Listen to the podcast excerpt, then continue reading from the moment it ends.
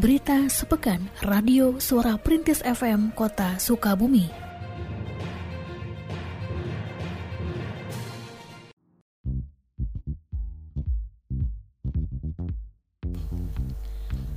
Pembangunan serta perbaikan jalan maupun perbaikan sarana prasarana masyarakat lainnya dilaksanakan di 5 RW Kelurahan Warudoyong memanfaatkan program pemberdayaan rukun warga atau P2RW. Lurah Warudoyong, Ian Rojiman, yang melaksanakan pemantauan pembangunan P2RW bersama PLT Kasih Trantib dan PPM Kelurahan Warudoyong, Kunto Mahendro.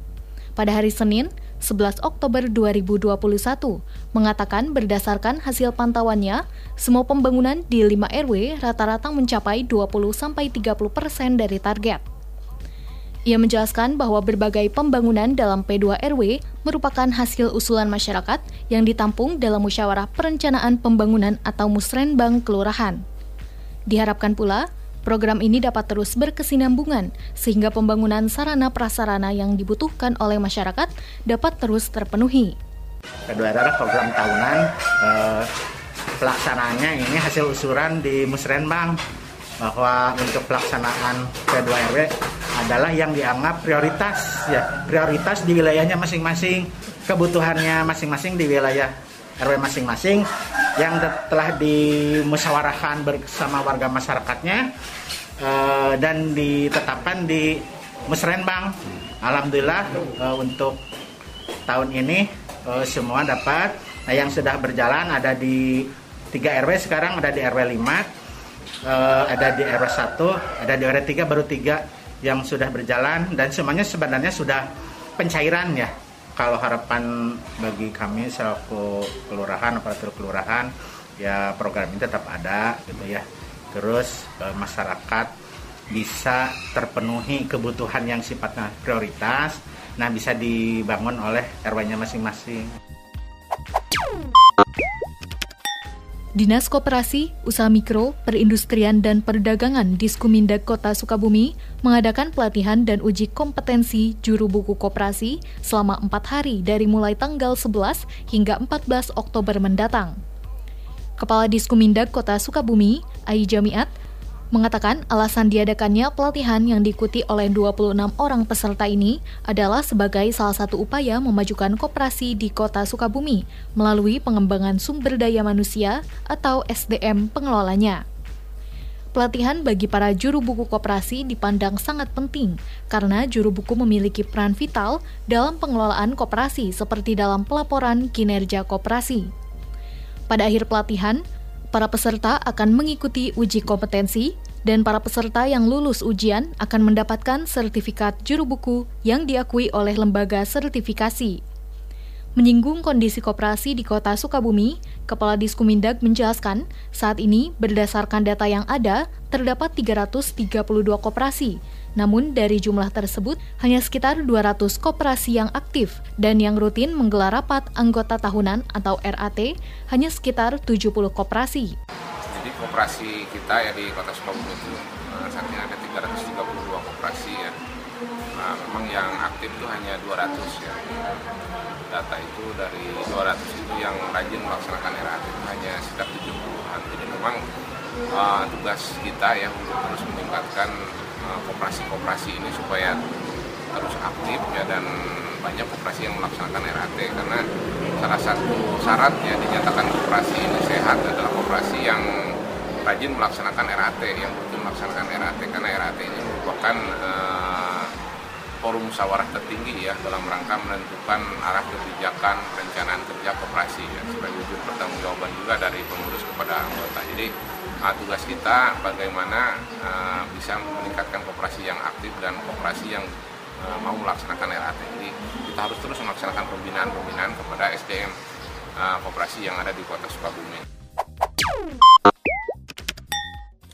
Universitas Muhammadiyah Sukabumi mengikat kerjasama dengan Dinas Komunikasi dan Informatika Kota Sukabumi dalam pelaksanaan program Merdeka Belajar Kampus Merdeka. Dekan Fakultas Sains dan Teknologi Universitas Muhammadiyah Sukabumi, Dr. Reni Mulyani menjelaskan bahwa melalui program ini mahasiswanya akan melakukan kuliah magang selama satu semester. untuk MOU ke kampus Merdeka ya di sini uh, kami dari Fakultas Sains dan Teknologi uh, melakukan kerjasama dengan Diskominfo ya dalam rangka uh, kurikulum MBKM ya di mana uh, di dalamnya adalah uh, untuk penempatan mahasiswa magang dari prodi Teknik Informatika. Jadi di sini mahasiswa eh, magang dengan Diskominfo ini selama satu semester yang nantinya hasil magang ini akan dikonversi menjadi 20 SKS. Ya, jadi mahasiswa eh, selain mendapatkan eh, ilmu pengetahuan dari kampus juga eh, dengan adanya eh, kurikulum MBKM ini yaitu magang di Diskominfo diharapkan dapat eh, menambah skill dari mahasiswa tersebut. Dinas Kepemudaan, Olahraga, dan Pariwisata Dispora Kota Sukabumi memberikan pelatihan digitalisasi branding kepada 40 orang pelaku pariwisata dimulai dari 12 Oktober lalu. PLTK Dispora Tejo Condrok menjelaskan bahwa pelatihan ini sangat penting agar kunjungan wisatawan semakin meningkat ke kota Sukabumi. Adapun target kunjungan wisatawan pada tahun ini sebanyak 34.000 dapat tercapai. Sehingga mereka bisa memberikan masing-masing itu branding untuk masing-masing destinasi wisatanya. Ya. Selain nanti untuk branding kota Sukabuminya, hmm. ya bagaimana untuk segmennya harus tahu mereka segmen targetnya, kemudian juga tahu juga bagaimana posisinya, kemudian tahu juga bagaimana branding khususnya dan bagaimana sellingnya. Nah ini yang yang harus diinikan untuk pemasarannya. Kemudian dipromosikan dengan digitalisasi. Ya kondisi ini pandemi ini kan kita butuh digitalisasi. Kenapa butuh digitalisasi? Karena digitalisasi itu sudah tidak ada batasan ruang dan waktu.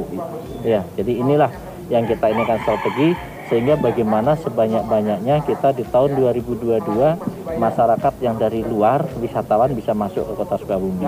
Kemudian kita berikan pelayanan baik sehingga mereka spending atau length of the stay-nya naik. Yang tadinya sehari menjadi dua hari, dua hari menjadi tiga hari, sehingga spending of money-nya bisa keluar yang banyak pengeluaran sehingga ujungnya adalah bagaimana kesejahteraannya juga meningkat. Kalau perputaran uang dari wisatawan masuk berputar di Sukabumi, insya Allah masyarakat akan sejahtera.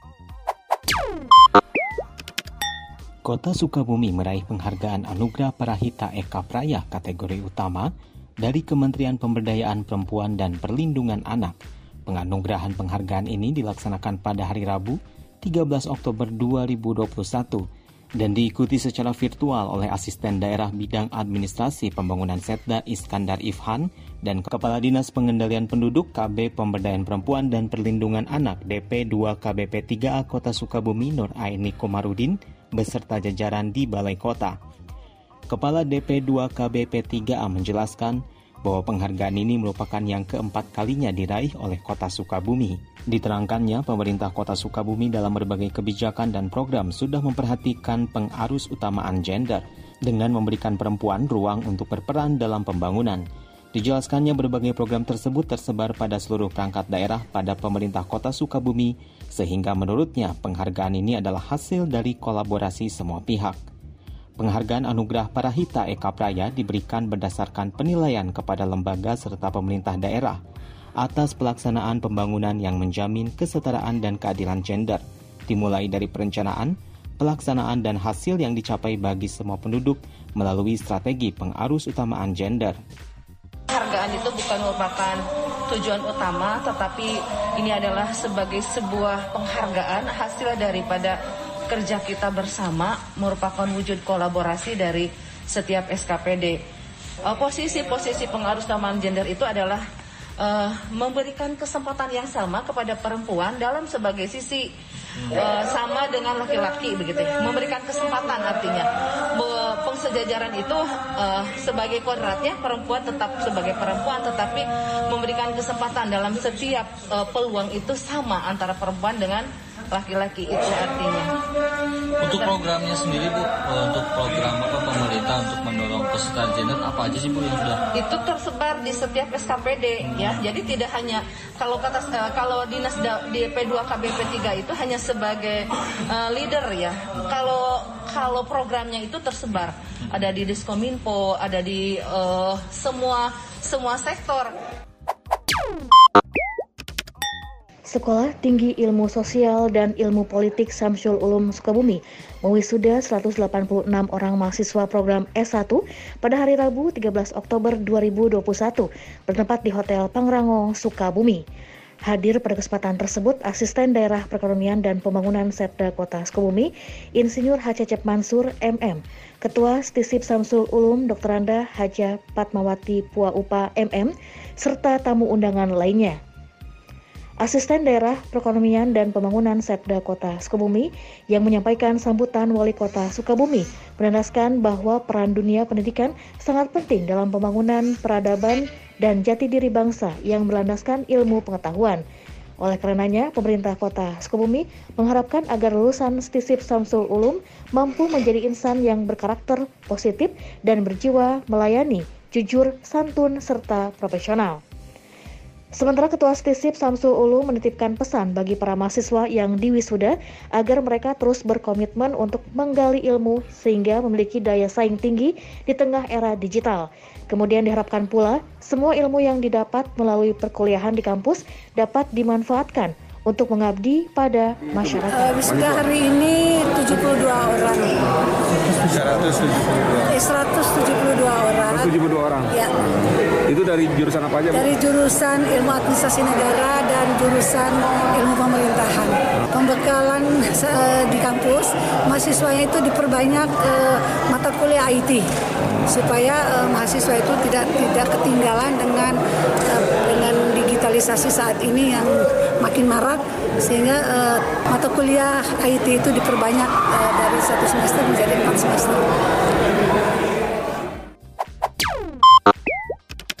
Atlet kota Sukabumi yang berlaga bersama kontingen Jawa Barat pada PON Papua kembali mencetak prestasi. Kali ini dari cabang olahraga bulu tangkis, bola tangan, dan hoki. Pada cabang olahraga bulu tangkis, Pramudia Kusuma Wardana yang berduet dengan Sohibul Fikri melengkapi raihan medali perak sebelumnya dengan menjuarai partai final bulu tangkis ganda putra dan berhak atas medali emas. Sedangkan pada cabang olahraga bola tangan, Muhammad Gailan Rizka meraih medali perak bersama tim bola tangan Jawa Barat.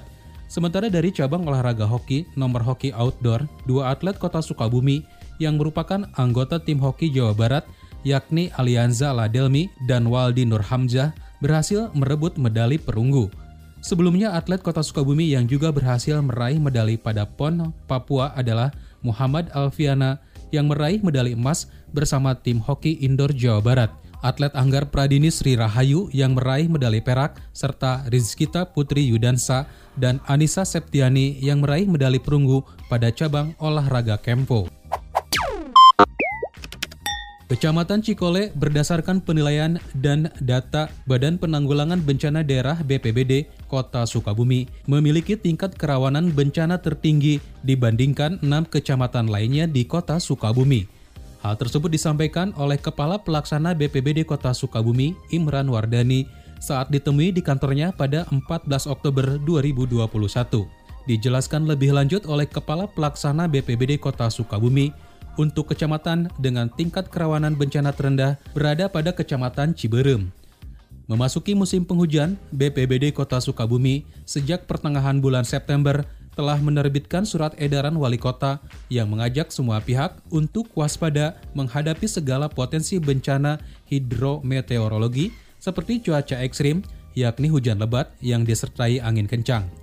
Sebagai bentuk kesiapan lainnya, BPBD Kota Sukabumi juga telah membuat peta daerah rawan bencana yang di antaranya memuat informasi mengenai jumlah warga yang berada di daerah berpotensi bencana. Selain itu, untuk semakin meningkatkan kewaspadaan, BPBD bersama pihak kelurahan tengah menggelar pelatihan kesiapsiagaan bencana yang diikuti oleh para ketua RT dan RW. Nah, untuk wilayah berdasarkan hasil kajian risiko bencana adalah yang paling tinggi tingkat kerawanannya adalah uh, Kecamatan Cikole. Kemudian juga yang paling terendah adalah Kecamatan Ciberem. Untuk wilayah Kota Sukabumi, potensi yang paling tinggi adalah bencana cuaca ekstrim ya, hujan lebat yang disertai dengan angin kencang. Ini masyarakat diimbau untuk tetap waspada dan pastikan mendapatkan informasi dari sumber resmi eh, dari kanal-kanal pemerintah yang telah terverifikasi. Saat ini juga kami sedang melakukan pelatihan-pelatihan ya, setingkat RT dan para RT dan RW bekerjasama dengan unsur wilayah eh, khususnya kelurahan sudah berjalan empat hari ini itu melakukan pelatihan untuk meningkatkan kesiapsiagaan kemampuan dan juga antisipasi bagi warga masyarakat tingkat kelurahan sehingga menjadi kelurahan yang tangguh. Mengatasi masalah sampah di kota Sukabumi, Dinas Lingkungan Hidup DLH memiliki 11 fasilitas TPS 3R yang berlokasi di antaranya di Kelurahan Cisarua, Cikondang, dan Sindang Palai. Kepala Bidang Pengelolaan Sampah B3 dan Peran Serta Masyarakat DLH Herman Permana dalam talkshow Radio Suara Perintis pada 14 Oktober lalu menyampaikan saat ini tengah dibangun pula TPS 3R di Kelurahan Cikundul dan Baros dengan menggunakan dana alokasi khusus atau DAK. Dijelaskan lebih lanjut, TPS 3R atau Tempat Pengelolaan Sampah Reduce, Reuse, dan Recycle dikelola oleh kelompok swadaya masyarakat KSM yang ditunjuk oleh kelurahan setempat. TPS 3R memiliki beberapa unit, salah satunya unit bank sampah. Sehingga salah satu tujuan TPS 3R adalah mengubah cara pandang dalam pengelolaan sampah, yakni dipilah dan dipilih sejak dini, serta pengelolaan sampah bisa memberikan dampak perekonomian pada masyarakat.